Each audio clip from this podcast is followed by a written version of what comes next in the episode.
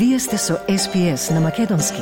Слушнете повеќе прилози на sps.com.au козацрта на Седонин. На SPS на Македонски, јас сум Ана Коталеска. Третиот пран на бројот на случаи со коронавирус се намалува побрзо отколку што беше предвидено според моделирањето. Но тоа не обезбедува олеснување за здравствените системи во земјава, а потресните приказни за долги периоди на чекање за итни случаи во државните болници низ Викторија е доказ дека притисокот не се намалува. И сојузниот министер предупредува дека ситуацијата ќе остане тешка со недели.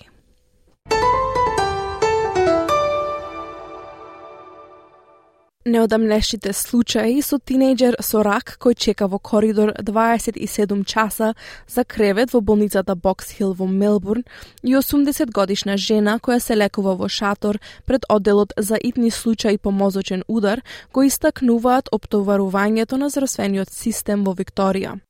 Тоа не е изненадувачки за лекарот за итни случаи во Мелбурн, доктор Стивен Паринс, кој вели дека нивото на пренатрупаност во болниците е веројатно највисокото досега. Hospital overcrowding is probably the worst we've ever seen it. We hate the fact that people who are in need have to wait for much longer than we would prefer that they do. Uh, there is always the risk, the longer someone waits, of their care being compromised. Постојаната употреба на шатори за пациенти во одделенијата за итни случаи е загрижувачка и за председателот на Австралиското медицинско здружение во Викторија, Родрик Макрей.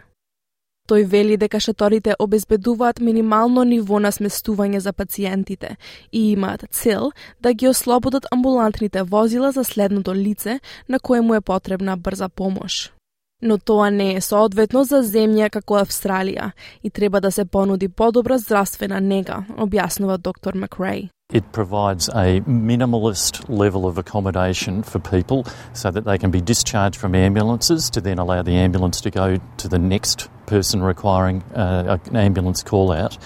But it's completely inadequate for a country like Australia and certainly Victoria, where we have aspirations for much higher healthcare Сојузниот министер за здравство Марк Батлер за ABC рече дека долгото време на чекање нема да се намали за брзо.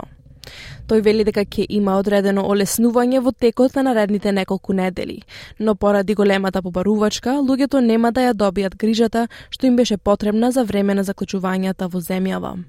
I think we'll see some relief over the next few weeks but there's still a lot of pent up demand in the system. A lot of people weren't able to get the care that they needed yes. through those difficult lockdowns. Коронавирусот и грипот не се единствените фактори што вршат притисок врз болничкиот систем. Премиерот Антони Албанезе изјави за Канал 7 дека луѓето кои не можат да ги видат своите општи лекари барат нега во одделенијата за итни случаи.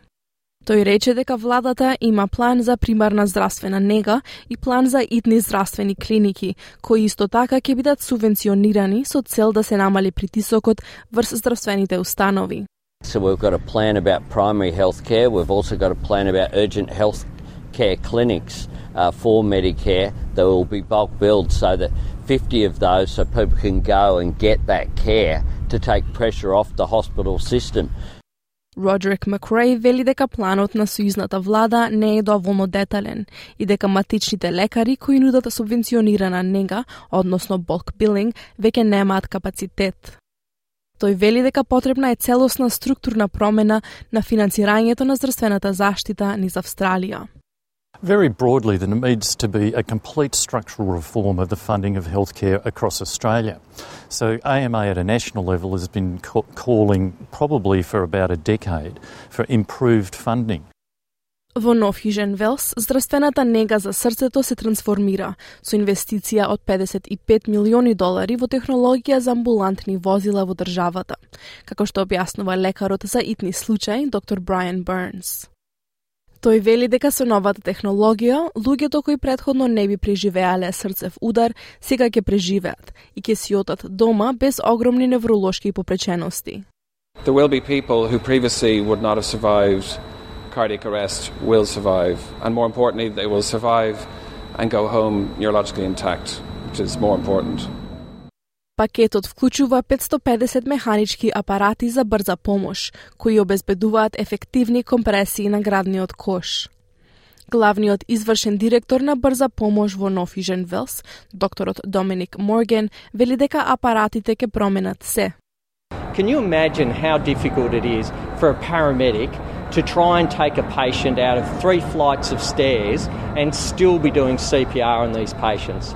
Once fitted, they get continuous compressions right the way to the bedside of the emergency department and ongoing. This makes a huge difference. Секоја година, околу 20.000 австралици се заочуваат со срцев удар надвор од болница. Само еден од 10 го преживува срцевиот удар.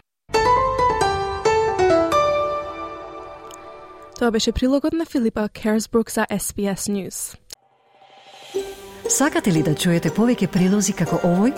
Слушате подкаст преку Apple Podcasts, Google Podcasts, Spotify или од каде и да ги добивате вашите подкасти.